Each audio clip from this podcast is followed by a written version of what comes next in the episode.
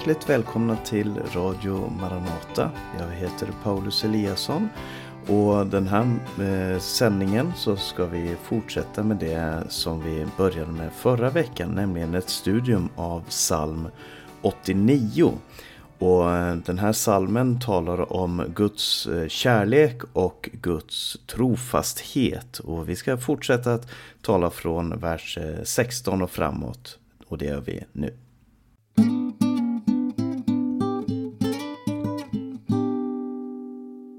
Psalm 89, vi läste fram till den femtonde versen förra sändningen. Om du inte har hört det programmet så finns det att tillgå på över internet också om du går in på maranata.se eller om du söker på i din podcast-app Maranatas podcast så hittar du den där.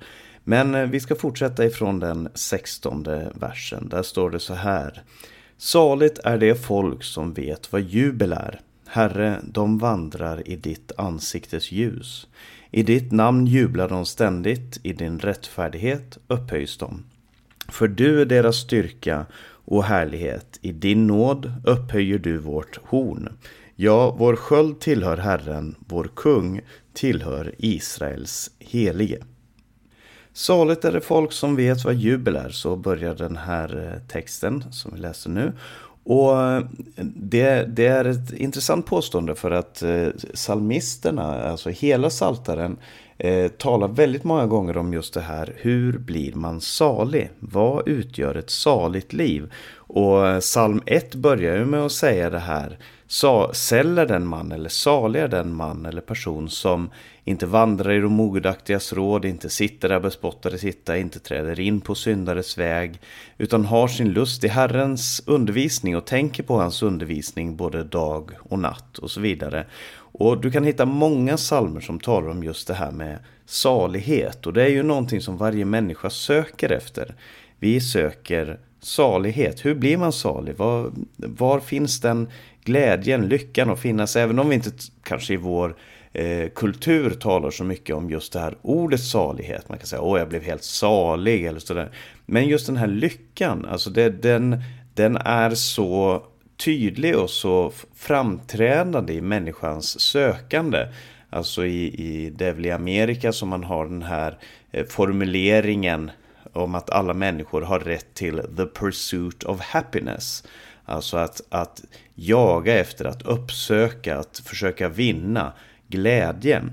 Och salighet handlar just om det här med glädje, det handlar om frid, att man hamnar i en, eh, i en situation, en livssituation, inte bara en ett upphöjd stat, en upphöjd eh, situation i en eh, slags jublande glädje över någonting, en eufori över någonting som händer just nu. Utan det handlar om en pågående upplevelse av frid. Och här så säger salmisten, och vi ska inte ta det här som någonting exklusivt för att som sagt det finns många olika verser som talar om hur man blir salig. Men här står det saligt är det folk som vet vad jubel är. Och jubel i den här situationen, eh, det handlar om tillbedjan av Eh, Gud. Det handlar om tillbedjan av Herren. I psalm 2 så står det att eh, så uppmanas jordens kungar att tillbe Herren och att falla ner inför honom. Eh, och det vi såg förra gången var att det var många av de här Guds sönerna eh, som tillhörde Guds eh, råd i himmelen som inte ville tillbe Gud, som inte ville tillbe hans son och som därför förlorade sin position i himmelen och som blev det som Nya Testamentet kallar för orena andar. Men, men eh, det folk som vet vad jubel är, alltså de som står inför Herren och jublar inför honom, som gläder sig i honom, som finner sin glädje i honom. Som Paulus säger i Filipperbrevet, gläd er i Herren alltid. Och åter vill jag säga, gläd er. När man lär sig den hemligheten, att finna sin glädje i Herren, då blir man salig. Och så säger han, Herre, de vandrar i ditt ansiktes ljus. Och det är den största välsignelsen som Nya Testamentet, som Bibeln känner till. Alltså den här översteprästliga välsignelsen som Aron och senare eh, de andra översteprästerna skulle läsa över folket. Det var just det här, Herren välsigne dig och bevara dig. Herren lyfte sitt ansikte till dig. Herren eh, vände sitt åsyn till dig och giver dig frid. Så Herre, du, de vandrar i ditt ansiktes ljus. Det handlar om att ha ett, ett ljus att vandra i, en, en tillvaro, ett liv tillsammans med Gud själv. Eh, I ditt namn jublar de ständigt. Eh, det finns så många olika saker som människor jublar över. Men de som vet vad ett verkligt jubel är, de som fröjdar sig i Herren, de har alltid en källa till jubel. Som jag sa, som Paulus säger i Filipperbrevet, gläd er i Herren alltid. Han var en fånge, man som satt i fängelse. När, precis då han skrev det här så, så, så eh, satt han i fängelse. Han var eh, under hot att bli avrättad och han säger gläd er i Herren alltid. För de som fröjdar sig i Herrens namn, de kommer alltid fröjda sig. Och så säger han, för du, alltså Herren, är deras styrka och härlighet. I din nåd upphöjer du vårt horn. Alltså det är många människor som, som finner sin styrka i sig själva, som önskar att vara starka i sig själva. Den individualismen som är ganska härskande i vår egen tid handlar om det här att, att finna sin styrka i sig själv. Och det var det som de här Guds sönerna som övergav sin höga position eh, också eh, gjorde. De, de litade på sin egen styrka. Men det här beskriver ett folk som tillhör Herren som säger Gud, du är vår styrka, du är vår härlighet. I din nåd upphöjer du vårt horn. Och det här med horn, det kan låta märkligt för oss i vår tid. Om du inte känner till Bibelns retorik så kan det låta ännu märkligare. Men horn, eh, det är en symbol för makt. Eh, det nämns många gånger i salmerna, i Daniels bok, på många andra ställen. Så är hornet en ett symbol för makt och du kan tänka på eh, bockar och, och, och tjurar och liknande som har horn och med de här hornen så så ju större de är, ju, fler, ju större horn de har, ju större chans har de för att tillskansa sig makt. Och det här har blivit en symbol som används ofta i Bibeln. Och det står om olika människors eller Guds eller, eller kungens horn. Och här står det i din nåd så upphöjer du vårt horn. Och det ska vi komma tillbaka till för det här uttrycket kommer tillbaka senare i texten. Alltså Gud ger eh, makt åt sitt folk. Lite som Jesus där han säger Mig är given all makt i himlen och på jorden. Gå för den skull ut i hela världen och gör alla folkslag till mina lärjungar.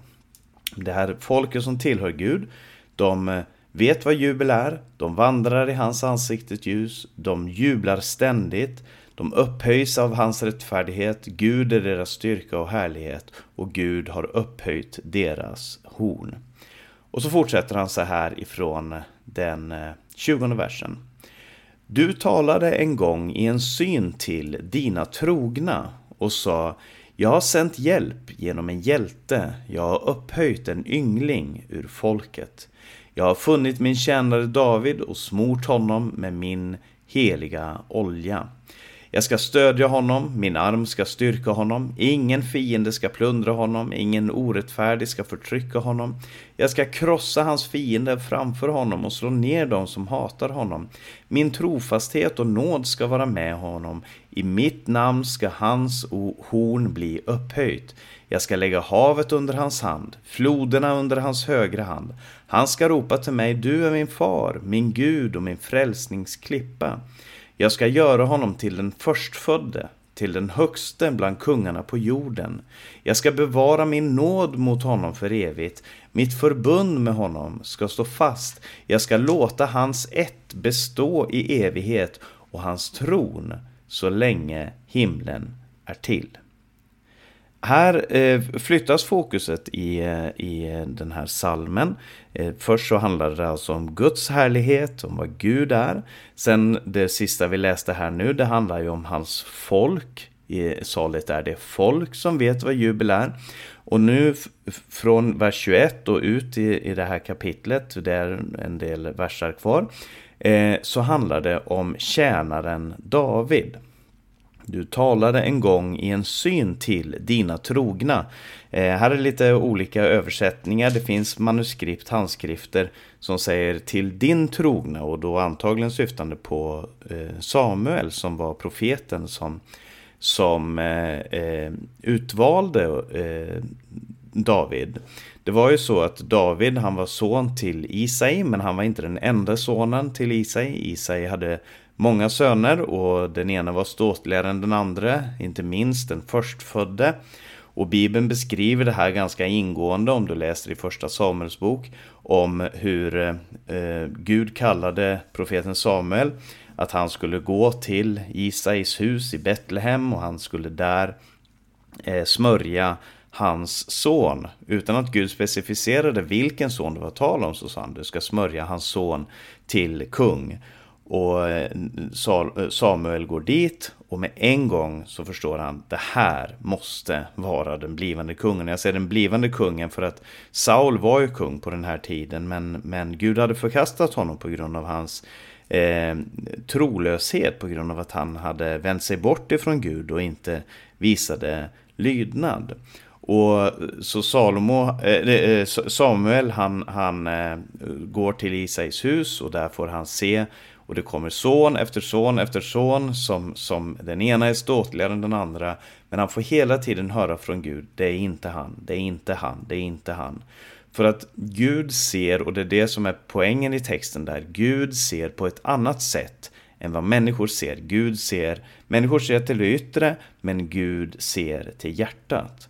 Och Gud säger i den här texten, jag har funnit min tjänare David. Jag har sänt hjälp genom en hjälte, jag har upphöjt en yngling ur folket. Jag har funnit min tjänare David och smort honom med min heliga olja. Alltså, eh, Gud hade sökt efter någon. Om man finner någon så, så har man sökt efter någon.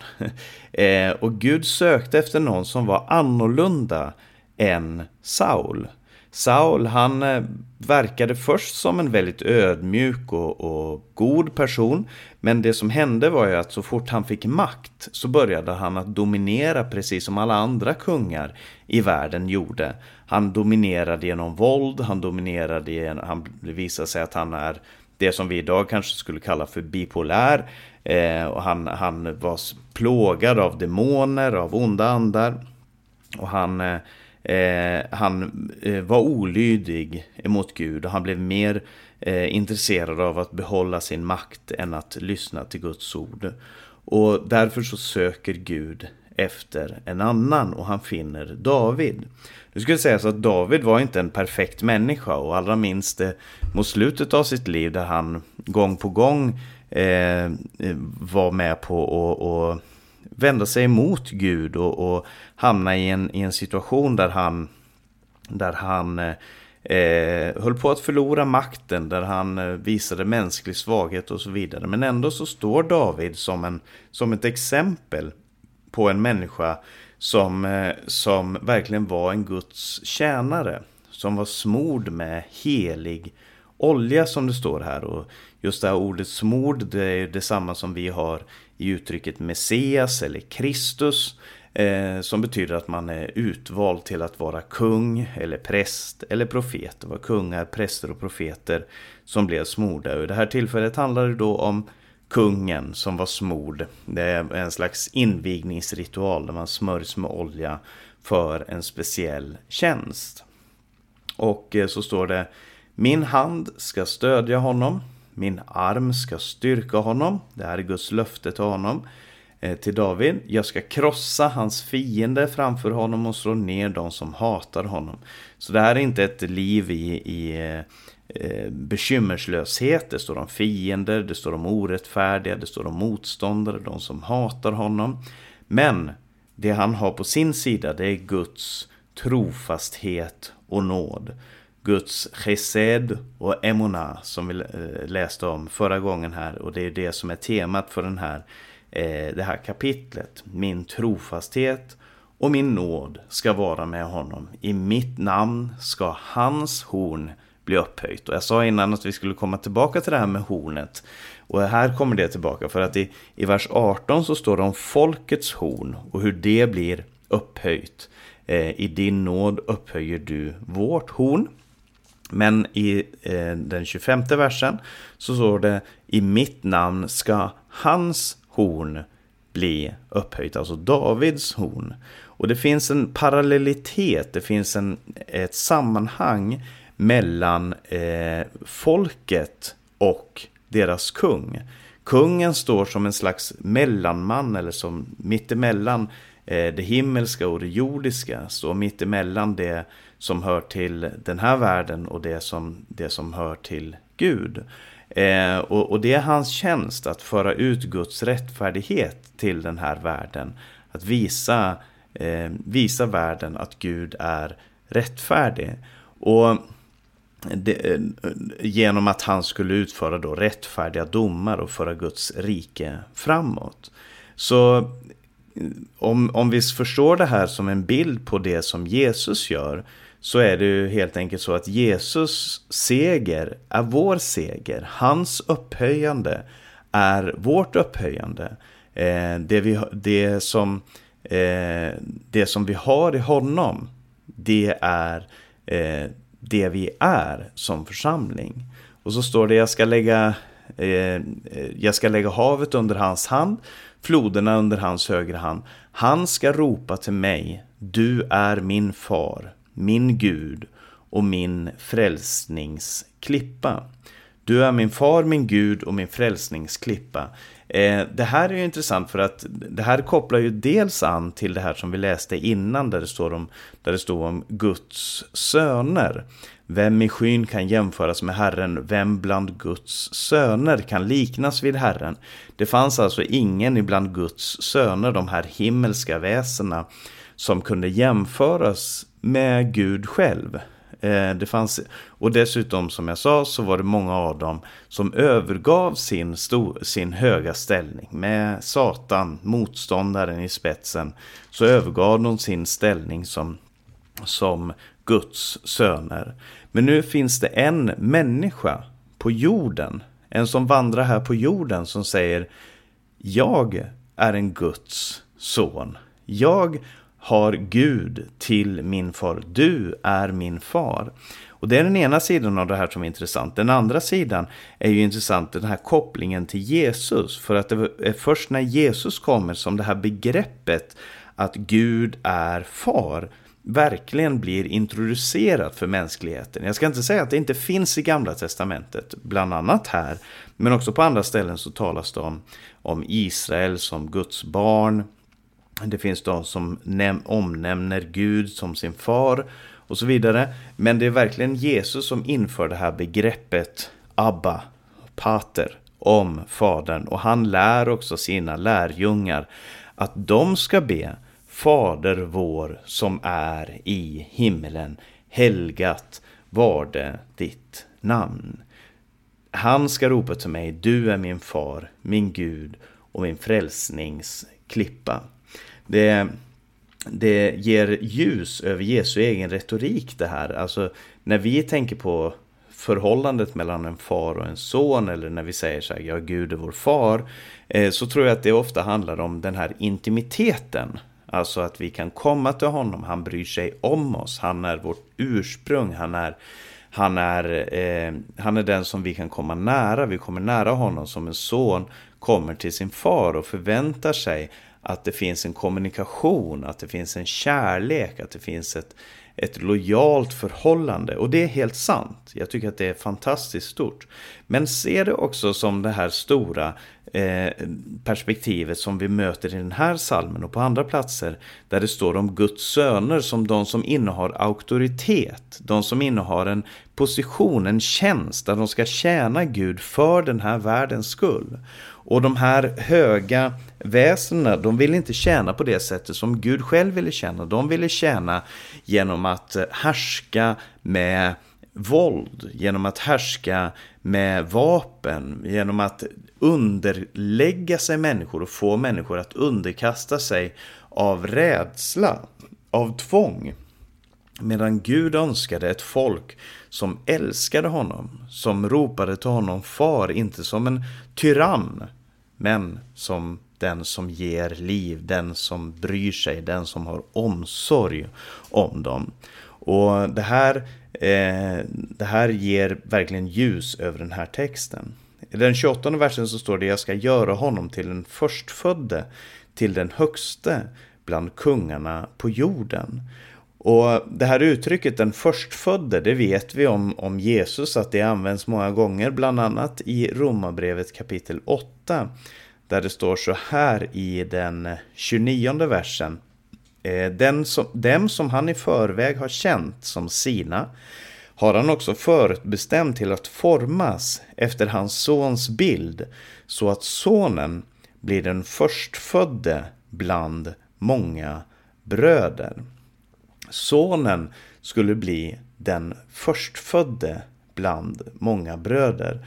Och, och, det är ett intressant uttryck, just det där med den, den förstfödde, för att i, i judisk lag så var det så att det som var förstfött, det tillhörde Herren. Som en åminnelse om det som hade hänt när de drog ut ifrån Egypten, då de blev befriade ifrån slaveriet i Egypten, så skulle den förstfödde i varje familj tillhöra Herren. Det var en, en åminnelse och det var en påminnelse om, om att egentligen så tillhör allt Herren. Egentligen så är vi helt beroende av Herren. Eh, det man ofta gjorde då för var att när ett får till exempel födde sitt första lamm så bar man fram det som ett offer. Och när en mor eh, födde sin första son så bar man fram någonting eh, som ett offer för att friköpa den här förstföd, det här förstfödda barnet. Det var ju det som hände med Jesus bland annat.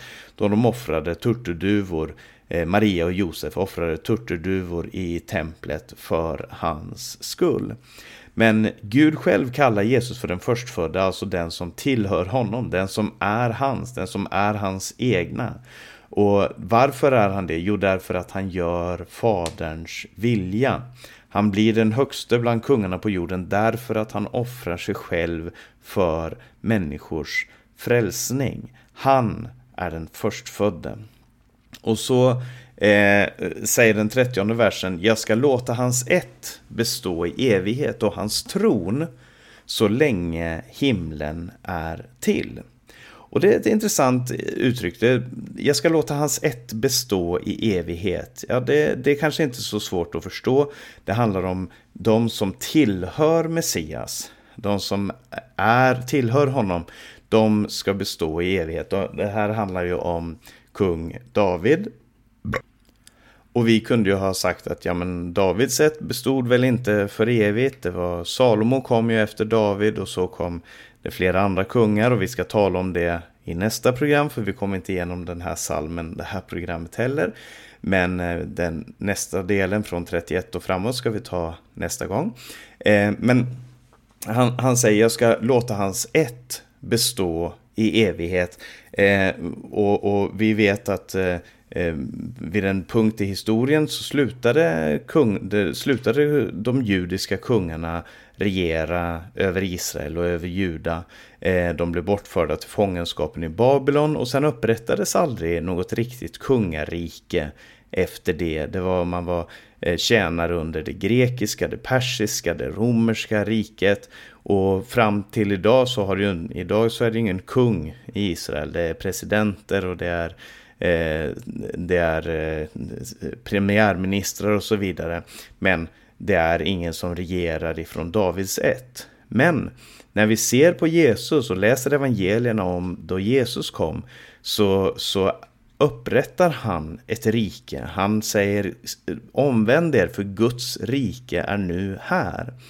Och så säger han, jag ska låta hans ett bestå i evighet och hans tron så länge himlen är till. Andra översättningen här säger eh, hans, hans tron ska vara som himmelens dagar. Och, och eh, eh det här ursäkta mig. Eh, den, här, den här versen den, den talar just om det här att eh, eh himlen och jorden ska mötas. Att himlen och jorden ska, hans tron ska, eh, English Standard Version säger And his throne as the days of the heavens. Hans tron ska vara som himmelens dagar, alltså det ska eh, ske en förändring av jorden som ska göra den lik himmelen. Det ska ske ett möte mellan himmel och jord. Hans pakt, eh, pakten ska stå fast eh, för evigt. Det är lite som i bönen Fader vår som jag redan har varit inne på här. Så ber vi också det här. Ske din vilja så som i himmelen, så och på jorden. Och hans, eh, den, den pakt som Gud har, har upprättat med Davids son, det förbund som vi har i Jesu, Davids son och Guds sons blod. Det förbundet, det står i evighet och det är, en, det är kopplat till himmelen. I Matteus evangelium så kallas ju till och med eh, Guds rike för himmelriket. Och jag tror inte vi ska hålla på så mycket mer med det här. Vi ska få några avannonseringar och lyssna på en sång. Men vi ska fortsätta att läsa den här salmen eh, nästa vecka. Och se hur eh, salmisten tycker att Guds löfte har blivit om intet, även om han förstår att det inte är så. Och vi ska se hur Guds plan är så mycket större än människors tankar. Och jag hoppas att det här eh, bibelstudiet har varit dig till välsignelse.